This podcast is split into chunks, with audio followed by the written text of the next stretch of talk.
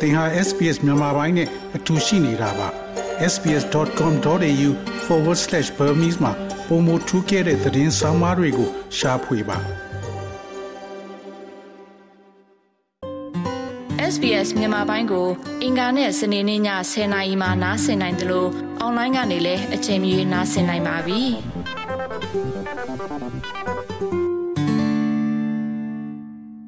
စစ်တပ်ကတိန်းထားသေးရတော့ ကြာလီကြာလီပိုဆိုးလေးဖြစ်မှာဆိုတော့ အနာဂတ်ကတော့ မဲမှောင်ဘာမှတော့မမြင်ရတော့ပါဘူး မြန်မာပြည်ရင်းမှာ နေထိုင်နေတဲ့ အသက်20ကျော်အရွယ် အမျိုးသမီးတဦးဖြစ်သူနော်ရူတာက ရင်ဖွင့်ပြောဆိုလာတာပါ လက်ရှိကာလမှာ ကုန်စည်နှုန်းတက်လာတဲ့ဒဏ် ငွေကြေးဖောင်းပွားမှုကြောင့် မြန်မာငွေတန်ဖိုး မရှိသလောက်ဖြစ်လာတဲ့ဒဏ် အလုတ်ရှားပါလာတာနဲ့အတူ ဝင်ငွေရဖို့ ခက်လာတဲ့ဒဏ်တွေကို ရင်ဆိုင်နေကြရတာ နော်ရူတာတယောက်တည်းတော့ မဟုတ်ပါဘူး နေ့စဉ်တွေ့ကြုံနေရတဲ့စီးပွားရေးအဆင်မပြေမှုတွေသုံးဆလောက်တက်လာတဲ့ကုန်စည်နှုန်းတွေနိုင်ငံတွင်းမှာနေထိုင်ရတာတက်တောင့်တက်တာမရှိတော့တဲ့အခြေအနေတွေမှာလမ်းပြောင်းနေပြီဆိုတဲ့စကားလုံးဟာမြန်မာနိုင်ငံသားတွေရဲ့လက်သုံးစကားဖြစ်လာပါတယ်။တနေ့လုံးမှတနေ့စားရတဲ့လူတဦးတရက်ဝင်ငွေဟာကျပ်4800သာရရှိနေချိန်မှာအမေရိကန်ဒေါ်လာကိုကျပ်3000ကျော်စီးပေါက်နေတာကြောင့်လူတဦးဝင်ငွေဟာဒေါ်လာခွဲသာသာရှိနေတာပါ။ အဲ့ဒီလိုနိုင်ငံခြားငွေဈေးတက်လာတာနဲ့တပြိုင်နက်ဆက်ဆက်ကုန်ပစ္စည်းတွေဈေးတက်တာအဲ့ဒီထဲမှာလောင်စာစီဈေးတက်လို့ထုတ်လုပ်မှုတည်ယူပို့ဆောင်ဈေးတွေဈေးတက်လာတာနဲ့တပြိုင်နက်မြန်မာပြည်ရဲ့အဓိကစားကုန်ဆန်ကအစာဈေးတက်လာတာကိုပြည်သူတွေရင်ဆိုင်နေကြရပါတယ်လက်ရှိမှာအခြေခံလူရန်စားအများစုစားကြတဲ့စံကျန်းတအိတ်ကိုကျပ်6000ကျော်ပေးဝေရပြီးအဲ့ဒါဟာအရင်နှုန်းတက်နှစ်ဆကျော်တက်လာတာဖြစ်ပါတယ်။ ဒီလိုအခြေအနေတွေကြားမှာဆံပြုတ်တောင်နှက်မှန်မှာတော့မလားလို့တွေးပူလာသူတွေတဲ့နော်ရုတာလည်းအပါဝင်ပါမြန်မာနိုင်ငံမှာနေရတာဘလောက်တော့ခက်ခဲမှုန်းချက်နေလဲဆိုတော့တတော့အဆင်မပြေတာ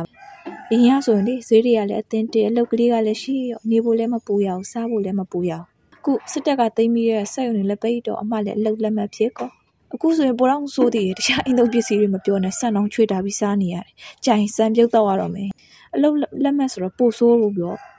မဟင်းမရှိရင်တော့ငါပြည့်ငရုတ်သီးလေးနဲ့မှသမင်းစားလို့ဝင်လာ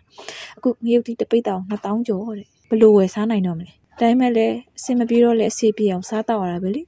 မတို့ကတရက်လုံးမတရက်စားတာတရက်တရက်ကိုဝင်ငွေ1000ဝင်မှုဆိုတာတော်တော်ခက်ခဲမနှဲရှာဖွေရတယ်မတရက်1000ဝင်မှုတော့မအရင်ကပတ်စံ1000ရှိရင်စီစားငရုတ်သီးကြက်တုံတလားစာဝယ်လို့ရတယ်ကုံတော့မကုံအမားတို့မိသားစုအခုကပတ်စံ1000ရှိရင်ဟိုပတ်စံ1000နဲ့ဈေးအောင်မသွားရဘူး စစ်ကောင်စီလက်အောက်ခံဗဟိုဘဏ်ကအမေရိကန်ဒေါ်လာကိုကျပ်1800သတ်မှတ်ထားရကနေ2100နှုန်းကိုပြောင်းလဲလိုက်ပြီးနောက်မှာတော့အရင်ကတည်းကတရရိပ်တက်နေတဲ့ကုန်စည်နှုန်းဟာတိတိတသားစတိုးတက်လာတာပါနောက်ဆက်တွဲအနေနဲ့နိုင်ငံခြားကတင်သွင်းလာတဲ့စားသုံးစီတွေအပြင်ပြည်ရင်းထုတ်အခြေခံစားကုန်တွေဖြစ်တဲ့ဆန်စီစာအိတ်သုံးပစ္စည်းတွေပါဈေးနှုန်းနှစ်ဆကနေလေးစားအထိတက်လာပါတယ်။ တနိုင်ငံလုံးရင်ဆိုင်နေရတဲ့အဲ့ဒီကြက်တဲမှုတဟာတောင်ပေါ်မြေပြတ်မခွဲကြပဲခံစားနေကြရတာပါ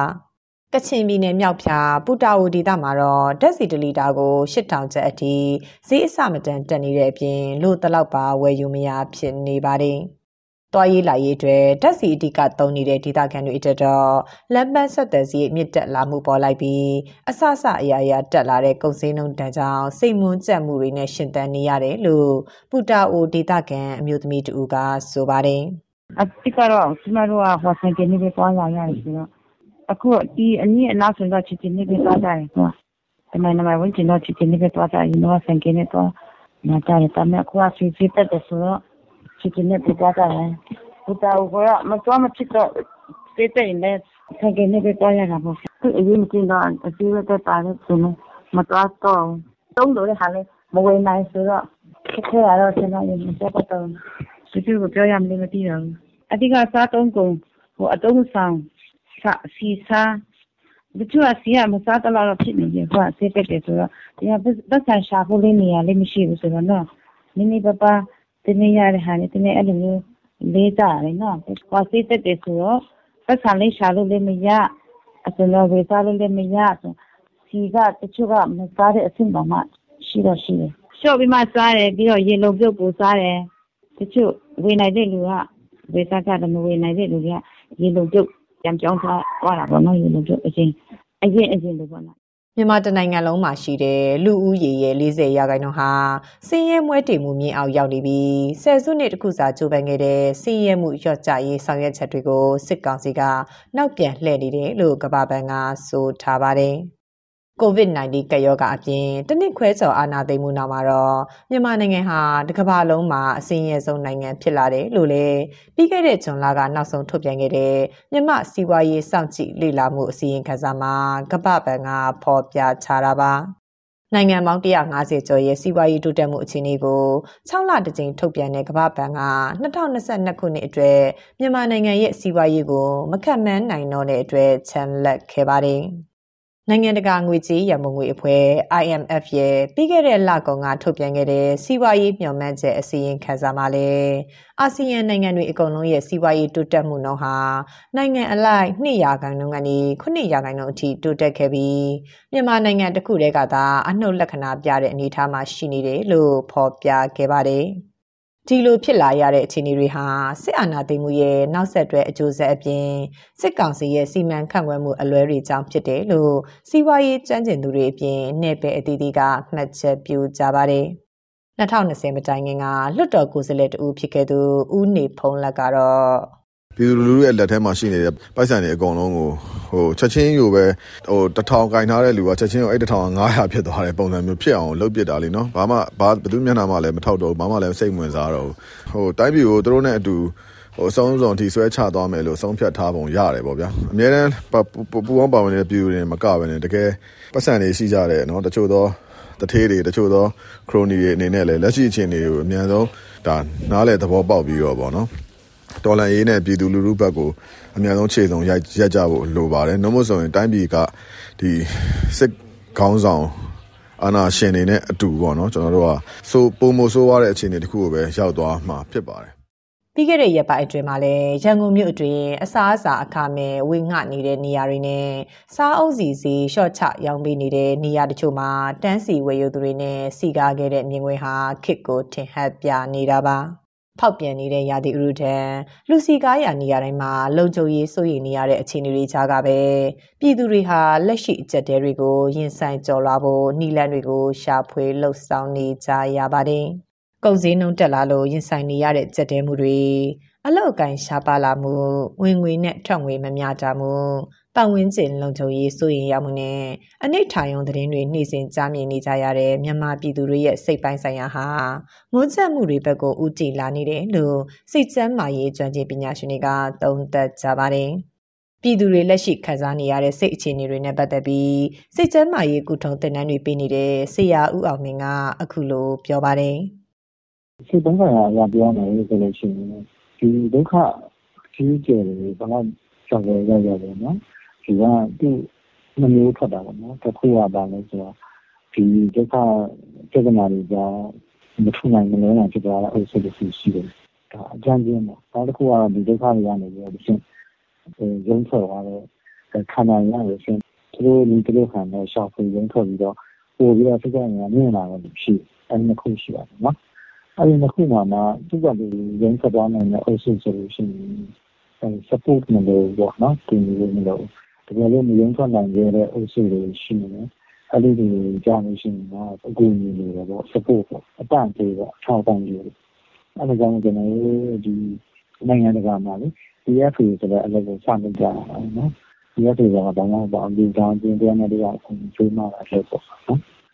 စီးပွားရေးချစ်ချုံကြမှုနဲ့အတူကျဆင်းလာတဲ့မြန်မာပြည်သူတွေရဲ့ရုပ်ပိုင်းဆိုင်ရာစိတ်ပိုင်းဆိုင်ရာကြက်တဲမှုတွေကိုကုစားပေးနိုင်မှုအဖြစ်ဟာစစ်အာဏာရှင်စနစ်အမြင့်ပြတ်ရေးလို့ပြည်သူတွေကယုံကြည်ကြပါတယ်။ဒါပေမဲ့အာဏာလက်ကင်ဆွဲပြီးမူဝါဒတွေထုတ်ခြင်းလို့ထုတ်လှုပ်ခြင်းလို့လုပ်နေတဲ့စစ်ကောင်စီရဲ့လုပ်ရက်တွေကတော့နောက်ပြန်ဆုံးမဲ့အနေအထားမှာရှိမနေပါဘူး။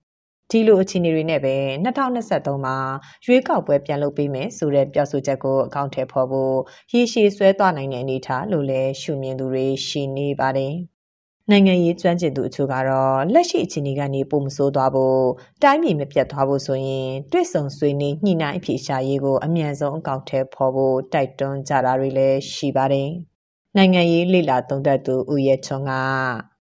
ဘာလုပ်ပေးမလဲဆိုတော့ဘာပဲလုပ်ပေးလုပ်ပေးအဓိကအကြောင်းရင်းပေါ့နော်အဓိကအကြောင်းရင်းမဖြေရှင်းမဲနဲ့တော့ကျန်တာတွေကဟွာလောက်ပဲတရုတ်စီလိမ့်တာလောက်ပဲဖြစ်မှာပေါ့အနာမပြောက်ဘူးပေါ့ယောဂကိုမပြောက်မပြောက်ဘူးပေါ့နော်ဘာပဲလှုပ်ပေးလှုပ်ပေးတာနော်ဒီအခြေခံအကြောင်းရင်းကိုမဖြေရှင်းနိုင်တဲ့နဲ့တော့တရုတ်စီလိမ့်တာလောက်စနွန်လိမ့်တာလောက်ပဲဖြစ်မှာပါလို့အဲကျွန်တော်တို့ကပို့ဆိုးတာက ဒီထဲမှာ နိုင်ငံရေးအရာနစကအနာထိန်လိုက်တဲ့အခါကျတော့ နိုင်ငံသားတိုင်းပြည်တွေသူတစ်ခင်အနောက်အုပ်စုက ယုံကြည်မှုမရှိတော့တာနဲ့အဲငကိုရှိပြီးသား တရုတ်တို့ ဘာတို့ကလည်း သူတို့ယဉ်ညမြုပ်နှံမှုတွေဒီရန်ရှာခံရမှာဆိုတာကြောင့် နောက်ထပ်အစ်စ်တွေ မလာရဲတော့ပဲနဲ့ဆောက်ဆိုင်နေတာပေါ့နော် အဲ့ဒါတွေက စုပုံပြီးတော့ ပေါင်းစပ်လိုက်တဲ့အခါ ကျွန်တော်တို့က ပိုချိုးသွားတာပေါ့နော် ဒါတွေပြည်လဲစေခြင်းနဲ့ဆိုရင်တော့ နိုင်ငံရေးနည်းအရာဆွေးနွေးတဲ့ဟာပေါ့နော် အဲအဲ့ဒီတဘူရဲ့ပြန်ရောက်သွားမှာပေါ့အဲအဲ့ဒါပြည်လဲနိုင်မှဖြည်းဖြည်းဖြည်းဖြည်းချင်းပြန်ပြီးတော့တိုင်းပြည်ကစီးပွားရေးပုံမှန်ပြန်ဖြစ်လာနိုင်တာနိုင်ငံရေးစီးပွားရေးကျန်းမာရေးပညာရေးအပါအဝင်ဗတ်ပေါင်းစုံမှာနေကြလာတဲ့မြန်မာနိုင်ငံမှာရှင်သန်နေရတဲ့ပြည်သူတွေအတွက်တော့အနာဂတ်ဆိုတာကိုမတွေးနိုင်တော့တဲ့အခြေအနေပါမနှက်ပြန်တွေမိသားစုဝမ်းဝါဖို့အရေးဟာအနိုင်နိုင်ကြိုးပမ်းနေကြရတာပါ တစ်ဖက်မှာလည်းလူခွင့်ရေးမှန်သမျှချိုးဖောက်ခံရတဲ့နိုင်ငံမှာရှင်သန်နေရသူတွေစိတ်သက်ကြက်ကြက်ခိုင်းထားပြီးကြုံတွေ့လာရမယ့်အချက်တိုင်းကိုရင်ဆိုင်ဖြည့်ရှင်းရုံကလွဲပြီးရွေးချယ်စရာမရှိပါဘူး။ဒါကြောင့်စစ်အာဏာရှင်စနစ်တိခေတ်မှာပဲကုံဆုံးရမယ်ဆိုတဲ့တန်တိတ်ထံကပဲမြန်မာပြည်သူတွေအတွက်လက်ရှိရင်ဆိုင်နေရတဲ့မွန်းကျက်မှုတွေကြားရုန်းကန်ရှင်သန်နေရတဲ့အကြောင်းပြချက်တစ်ခုဖြစ်လို့နေပါတယ်။ဒီသတင်းဆောင်မကိုတန်လွင်ခက်ကပေးပို့ထားတာဖြစ်ပါတယ်။ SBS Radio App ကို download လုပ်ပြီးနားဆင်မှတ်ချက်ပြုနိုင်ပါတယ်။ဒါရိုက်သို့မဟုတ်အချိန်မြေးနားဆင်နိုင်ပါပြီ။စစ်တမ်းမှာပါဝင်နိုင်သလိုဆက်သွယ်မှုလည်းပြုလုပ်နိုင်ပါတယ်။ Google Play ဒါမှမဟုတ် App Store မှာအခမဲ့ရယူနိုင်ပါပြီ။